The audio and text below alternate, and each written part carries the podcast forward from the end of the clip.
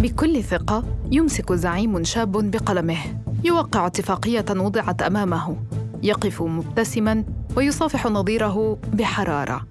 يحتفي الرجل بتلك اللحظات على وسائل التواصل الاجتماعي.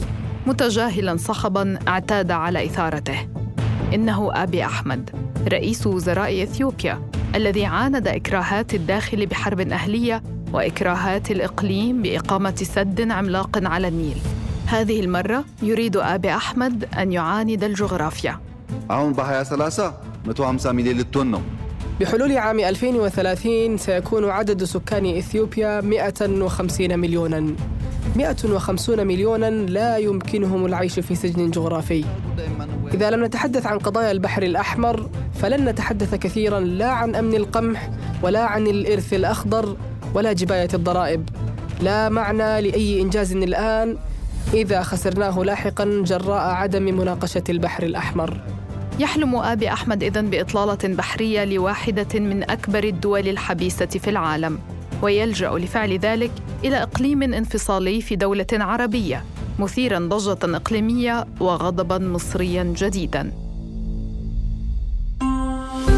بعد أمس من أثير الجزيرة أنا روعة أوجي.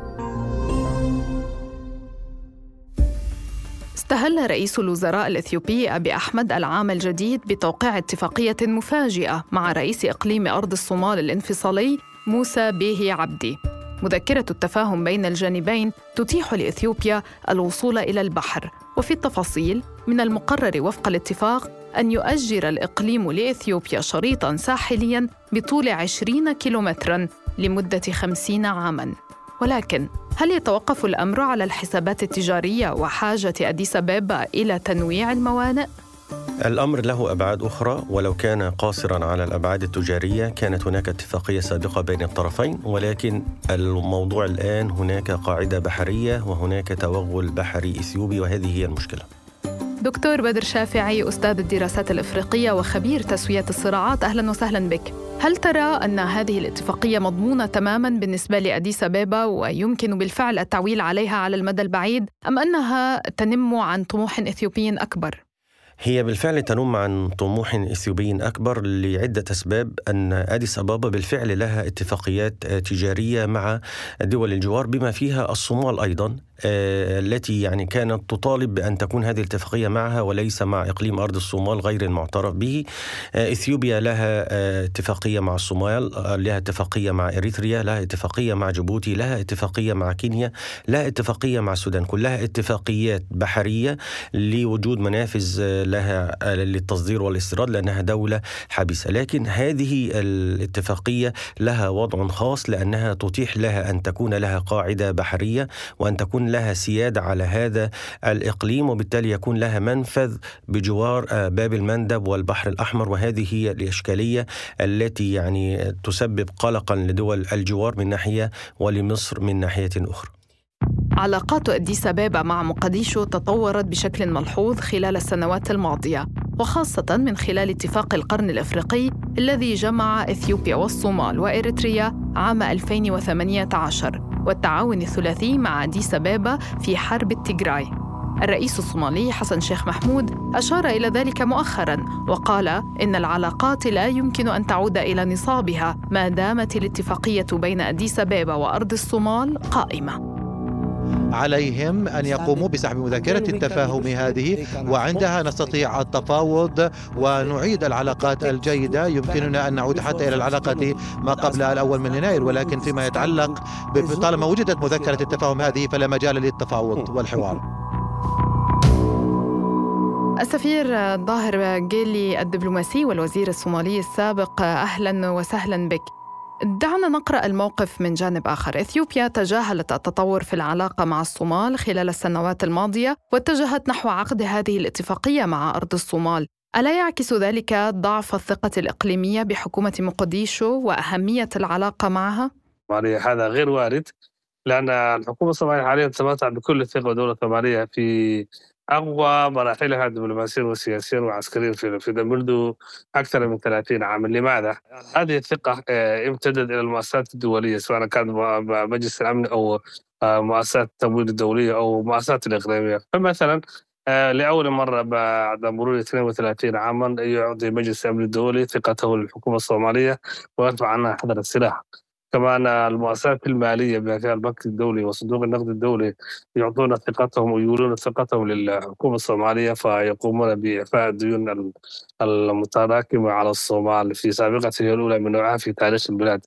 بجانب هذا اقليميا الحكومة الصومالية تنال ثقة الإقليم كله فتنضم إلى التجمع الشرق أفريقيا يعني فهذه خطوات متتالية ومتسارعات تدل دلالة عميقة على أن الحكومة الصومالية هي في أقوى مراحلها وتمتع بأقوى ثقة ممكن أن تحققها الحكومة الصومالية في هذا الوقت الوجيز.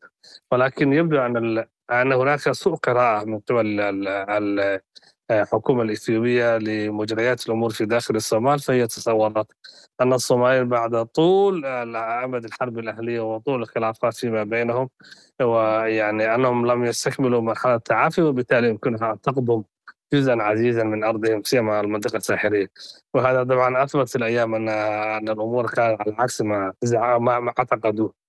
عندما نتحدث عن داخليا في الصومال آه، نتحدث عن إقليم الصومال والذي لديه يعني رغبات واضحة بالانفصال ولطالما تعثرت جهود توحيد الصومال منذ الاستقلال عام 1960 في السنوات الأخيرة ورغم مساعي مقديشو لتحقيق الاستقرار في المناطق الخاضعة لها، الإقليم الشمالي يواصل السعي لترسيخ انفصاله.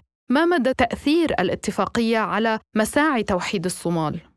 طبعا الأمور في داخل الصومال وفي العلاقة مع إثيوبيا آه، كانت على نمط ونهج معين قبل الأول من يناير الحالي عام 2024 وأصبحت الآن على وضع جديد تماما بعد بعد يوم بعد الأول من شهر يناير الحالي لماذا؟ لأن علاقتنا مع إثيوبيا آه، كنا نحن كالدرس الصومالي نحاول أن ننسى مآسي الماضي وتدخلات الماضي وآلام الماضي وكنا نقول أن الإنسان لا يختار جاره ولكنه يختار طريقة التعامل معها فكانت جهود الحكومات الصومالية سواء في عهد الرئيس السابق أو في عهد الرئيس الحالي أو قبل ذلك دائما كان هناك محاولة من الجانب الصومالي آه، لملمة الأمور في المنطقة وفتح صفحة جديدة مع جارتنا الكبيرة إثيوبيا ولكن يبدو أن الإثيوبيين آه، يعني سيما رئيس الوزراء الحالي رجع إلى عهود قديمة من العداوات فيما بين البلدين أما فيما يتعلق مع شمال الصومال الذي يعلن الانفصال. أولا الانفصال ليس مسألة اختيارية. يعني لا يمكن لأي جهة يعني في داخل الدولة أن تعلن أنها تنفصل في حالة ما. على هذا الأساس كنا نركز على آه، المفاوضات مع الإقليم الشمالي الشمالي آه، وكنا ندرك ونعلم أن الإقليم ليس على وفاق فيما داخليته فهناك الكثير والكثير. من أبنائه يرغبون في بقاء الوحدة ويرفضون الانفصال ولكن مع ذلك حتى تنجح المفاوضات. الحكومات الصومالية المتعاقبة كانت تركز على التفاوض مع الشمال وتقديم التنازلات لهم. وحتى المآسي التي يحكونها والتي تعرض لها الجميع. كنا نقول كنا طبعا أنا كنت من ضمن جميع من كل هذه الحكومات كنت مشارك فيها. كنا نعطي شيء ما من ماذا أقول يعني؟ من قبول شكاويهم ووصولا إلى تجاوزها وإعادة اللحوم فيها لكن حاليا آه، نحن سوف نتعامل معهم من منطلق القانون والدستور والحق والاختلاف الدولي وكل هذه الأشياء. سوف تكون يعني في يعني كأدوات آه، لدى الحكومة الصومالية آه، لتقوم بوضع يختلف تماما عما كان عليه قبل ذلك. بمعنى أننا سوف نركز على أن هذه المنطقة هي منطقة الصومالية في نهاية المطاف وأن الموجودين هناك مواطنون الصوماليين وأنا شخص من هذا المنطقة يزعم أنه يعني يستطيع أن ينفصل أو أن يبرم اتفاق ما سوف يعني يتم التعامل معه على أنه مواطن صومالي يخطئ في حق نفسه وفي حق بلده وفي حق الإقليم الذي يزعم أنه سوف يكون قيادته تماما سوف تكون يعني يكون التعامل مع الشمال أو الشمال الغربي أو الأجزاء منه التعامل معه سوف يكون مختلفا تماما عما كان عليه قبل ذلك بالتأكيد. هذه الرغبة الداخلية الصومالية ماذا عن موقف مقديشو من إثيوبيا؟ هذه الدولة الجارة التي يعني لا يوجد فعليا كان آه، توترا سياسيا بينهما في الفترة الأخيرة تقوم باتفاقية مع إقليم داخل الدولة دون الرجوع للدولة المركزية في مقديشو، كيف تنظر مقديشو لذلك؟ لا ليس فقط فمقدشو هي التي تنظر إلى ذلك عمل غير شرعي وعمل غير يعني أقول أخلاقي لأن سوابقه لم تكن يعني تشير إلى ذلك. ولكن الكرة الأرضية دول العالم كلها تقول ذلك. الأمم المتحدة آه، وقفت بجانب الصومال وقالت أنه لا يمكن أن تبرم اتفاقية تتعلق بهذه إلى مع الدولة المركزية. فإقليم شمال الصومال ليست دولة يعني حينما تنظرون إلى الخريطة العالمية سوف تجدون الدولة الصومالية حدودها مع جيبوتي ومع كينيا ومع إثيوبيا ومطلة على المحيط الهندي وعلى باب المندب فهذه المنطقة فيها دولة واحدة على مستوى الكرة الأرضية. الأمم المتحدة كانت في صفنا والاتحاد الأفريقي كان في صفنا ومنظمة إيجاد التي تضم تضمنا نحن وإثيوبيا والدول الأخرى كانت في صفنا والجامعة العربية والتعاون الإسلامي والولايات المتحدة الأمريكية والاتحاد الأوروبي. فنحن حاليا ما زلنا نأخذ الإثيوبيين لمؤسسة تلو مؤسسة أخرى لتسمع ولتعرف أن هناك مواقف دولية وأن هذا العبث وهذه التصرفات التي لا تمت بسر إلى إلى الوضعية القانونية الدستورية المتفق القانونية المتفق عليها عالميا هذه الوضعية غير مرغوبة وغير مقبولة. طبعا إثيوبيا تدرك حاليا أنها وقعت فعلا في في وردة سياسية ووردة دبلوماسية وأنها تقف وحدها.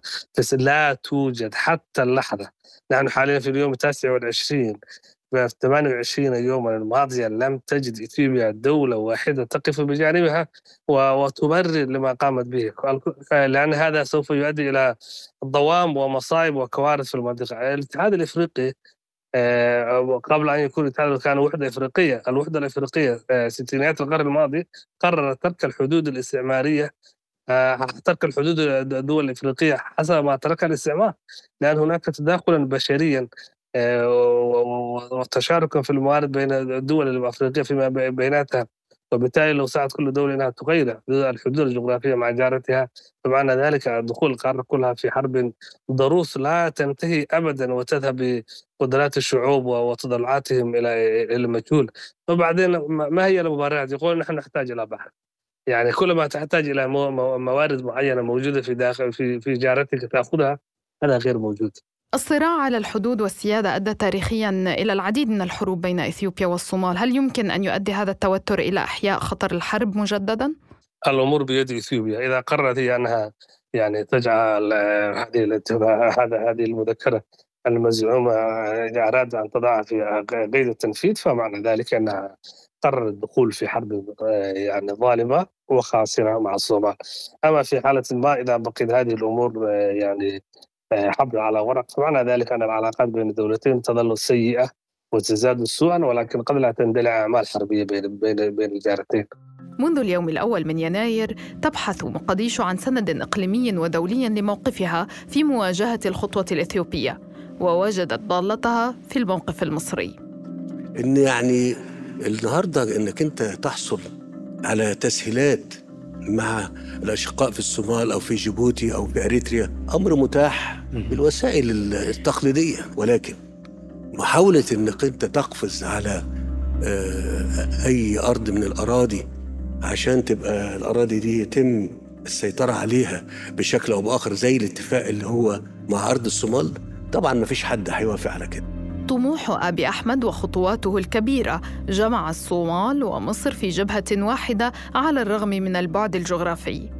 مصر تتصدر المواقف العربية والإقليمية رفضاً للاتفاق الذي يمس سيادة الصومال. بدر شافعي هل هي مجرد مناكفة مع الغريم الإثيوبي؟ يعني يمكن القول بأنها مناكفة وغير مناكفة في الوقت نفسه، إذا نظرنا إلى طبيعة القرن الإفريقي وأهميته إلى مصر فنعلم أن مصر تهتم بالقرن الإفريقي من أيام الفراعنة، كانت تعتبر حدودها حتى آه، منابع النيل وأرض الصومال أو بونتلاند أو أرض اللبان كما كانت تسمى في السابق، وبالتالي هي منطقة ذات أهمية استراتيجية لمصر تاريخيا من ناحية آه، ناهيك عن قربها من باب المندب واستخدام باب المندب في حرب 1900 1973 غلقه أمام السفن التي كانت تزود إسرائيل بالوقود. وبالتالي هي من ناحية الموقع الاستراتيجي منطقة هامة. يزيد على هذا الأمر الخلافات الأخيرة ما بين مصر وإثيوبيا فيما يتعلق بسد النهضة. وربما تكون من المفارقة التي تحتاج إلى تفسير هو أن هذه الاتفاقية تم توقيعها بعد إعلان الطرفين مصر وإثيوبيا فشل مفاوضات سد النهضة وصدور بيان شديد اللهجة من مصر بأن المفاوضات لن تستأنف. وبالتالي وجدت مصر في هذه الاتفاقية منفذا للحديث عن أهمية الصومال والأمن القومي الصومالي وأن الصومال بلد عربي ولا يجوز المساس بسيادته وأن هناك اتفاقية دفاع مشترك وفق الجامعة العربية تتيح التدخل العسكري إن لزم الأمر لحماية الصومال وعدم الاعتداء على أراضيه. فبالتالي مصر تنظر تنظر إلى الأمر من هذا المنظور منظور مصالحها الاقتصادية من ناحية ومصلحة ومنظور آه، موضوع سد النهضة والخلافات التاريخية بينها وبين إثيوبيا وسعي كل طرف لأن تكون له الهيمنة على هذه المنطقة أو على شرق إفريقيا وشمالها أو ربما نقول أيضا المنافسة على القارة ككل في ذروة التوتر بين إثيوبيا ومصر بشأن سد النهضة كثر الحديث حينها عن إمكانية أن تلجأ مصر إلى تعزيز وجودها العسكري في الصومال. هل أثر ذلك الموقف على أديس أبابا تجاه مقديشو برأيك؟ ربما يعني أدرك أبي أحمد عندما وصل للحكم 2018 هذا الأمر وحاول أن يعمل على آه، سياسة تطبيق سياسة آه، تصفير المشاكل مع دول الجوار وكان من أهمها إريتريا وليس الصومال فقط.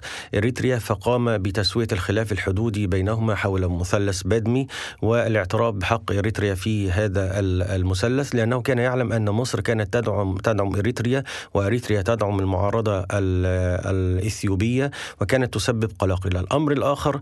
أيضا هو موضوع الصومال فهو أيضا حاول أن يحاول تسوية الخلافات مع الصومال خاصة فيما يتعلق بإقليم الأوجادين أو الصومال الغربي الذي تحتله إثيوبيا منذ فترة طويلة وترفض إعادته إلى الصومال فقام بتسوية الخلافات مع الصومال. عندما يحدث تسوية للخلافات معنى ذلك أن منافذ مصر أو الأيدي الطولة لمصر في دول الجوار لكي تهدد إثيوبيا باتت ضعيفة. لكن عندما يحدث توتر في هذه العلاقة تستفيد منها مصر. وبالتالي ربما هو قدم بهذا الاتفاق الأخير آه، لمصر يعني فرصة ذهبية لكي تستعيد إقامة تحالف مضاد للتحالف الذي أقامه 2018 بعد مجيء للحكم فيما يتعلق بالتحالف مع الصومال ومع إريتريا ولكن يبقى الأمر كيف سيتعامل آه، أبي أحمد مع ردة الفعل القوية من دول الجوار ومصر؟ لأن كان هناك رد فعل قوي من كل دول الجوار رفضا لهذه الاتفاقية. طاهر جالي عمليا. ماذا يمكن أن تقدم مصر للصومال؟ وهل لدى مقديشو خيارات عربية أخرى؟ آه أولا نحن حاليا ما نحتاج إليه من الإخوة العرب آه سواء كان مصر أو الدول العربية الأخرى. هي أنها تقف بجانب الصومال وبالتأكيد الإرادة العربية الموحدة تمثلها يمثلها البيت العربي المشترك والبيت العربي المشترك والجامعة العربية والقرار الصادر من الجامعة العربية بموافقة الدول العربية ليس هناك قرار أصوب منها تتخذه الدولة يعني في حد ذاتها. فهذا القرار يعني ببنوده بالبند الثامن منه من من القرار يشير إلى تكليف العضوين العربيين الموجودين في المجلس الأمني بحشد التأييد الدولي لصالح الصومال من أجل يعني دحض ويعني ورفض المصري بمذكره التفاهم بين الجانبين، طبعا مصر أكبر دولة عربية وارتبط علاقات قديمة جدا مع الصومال منذ عهد الفراعنة والرئيس الصومالي وأنا كنت من ضمن الوفد ذهب إلى هناك على أساس إنه يعني يلتقي بالقيادة المصرية ويتشاور معه فيما يتعلق بال بمواجهة هذه المذكره الظالمه. طبعا الموقف المصري كان ممتازا ووقف بجانب الصومال، نحن حاليا لم ندخل في حرب. حتى نقول ما الذي يقدم ولكن الدعم الدبلوماسي في اطار الجامعة العربية في اطار منظمة التعاون الإسلامي في اطار الاتحاد الإفريقي في اطار الأمم المتحدة ومجلس الأمن كل هذه الأشياء وعدنا بها. وجزء منها يعني حصلنا عليه الإمارات تتمتع بعلاقات قوية مع إثيوبيا وكذلك مع إقليم أرض الصومال هل يمكن التعويل على أبو ظبي في لعب دور إيجابي لنزع فتيل التوتر؟ والله كل الدول عليها أن تعول على نفسها وقدراتها وأن توظف كل علاقاتها على مستوى الكرة الأرضية فيما يتعلق بالدفاع عن قضاياها وعن حقوقها سيما إذا تعرض عدوان كما يحصل حاليا في من قبل إثيوبيا. والامارات كما تفضلت دولة عربية شقيقة آه، تضمنا فضاءات عديدة بما فيها فضاء العروبة وفضاء الإسلام. وهناك يعني مصالح قوية تربط بين البلدين سيما مع المصالح التجارية منذ يعني عقود. على هذا الأساس الإمارات كغيرها من الدول العربية يعني طلبنا منها تأييد موقفنا. وتتمتع بعلاقات لا بأس بها مع الجانب الإثيوبي كيف توظف؟ وهل يمكن أن تكون هذه آه، يعني كافية على أنها يعني تدرع هذه المصادر التي يعني حاليا تتعرض على المنطقة برمتها أم لا؟ هذا ما تؤكد فيه الأيام ولكن بالتأكيد أتفق معك تماما والمستمع يعرف أن أن للإمارات علاقات قوية مع إثيوبيا كما أنها تتمتع بعلاقات جيدة معنا نحن كصوماليين. متاعب الصومال لا تنتهي وما إن يخرج البلد من أزمة حتى يدخل في أخرى. لم يعد يتوقف الأمر على الحروب والنزاعات الداخلية أو الجفاف الذي يهاجمه من حين لآخر. أزمة الصومال هذه المرة مركبة ومعقدة يتقاطع فيها خطر الانقسام مع التدخلات الخارجية. هي أزمة تلتقي كذلك مع أزمات عربية أخرى. فهل سيكون للعرب موقف موحد إلى جانب مقديشو؟ بعد أمس. من أثير الجزيرة تابعونا عبر كافة منصات البودكاست وأرسلوا لنا أسئلتكم ومقترحاتكم في التعليقات وعبر حسابات أثير على مواقع التواصل الاجتماعي. دمتم بخير ونلتقي بعد أمس.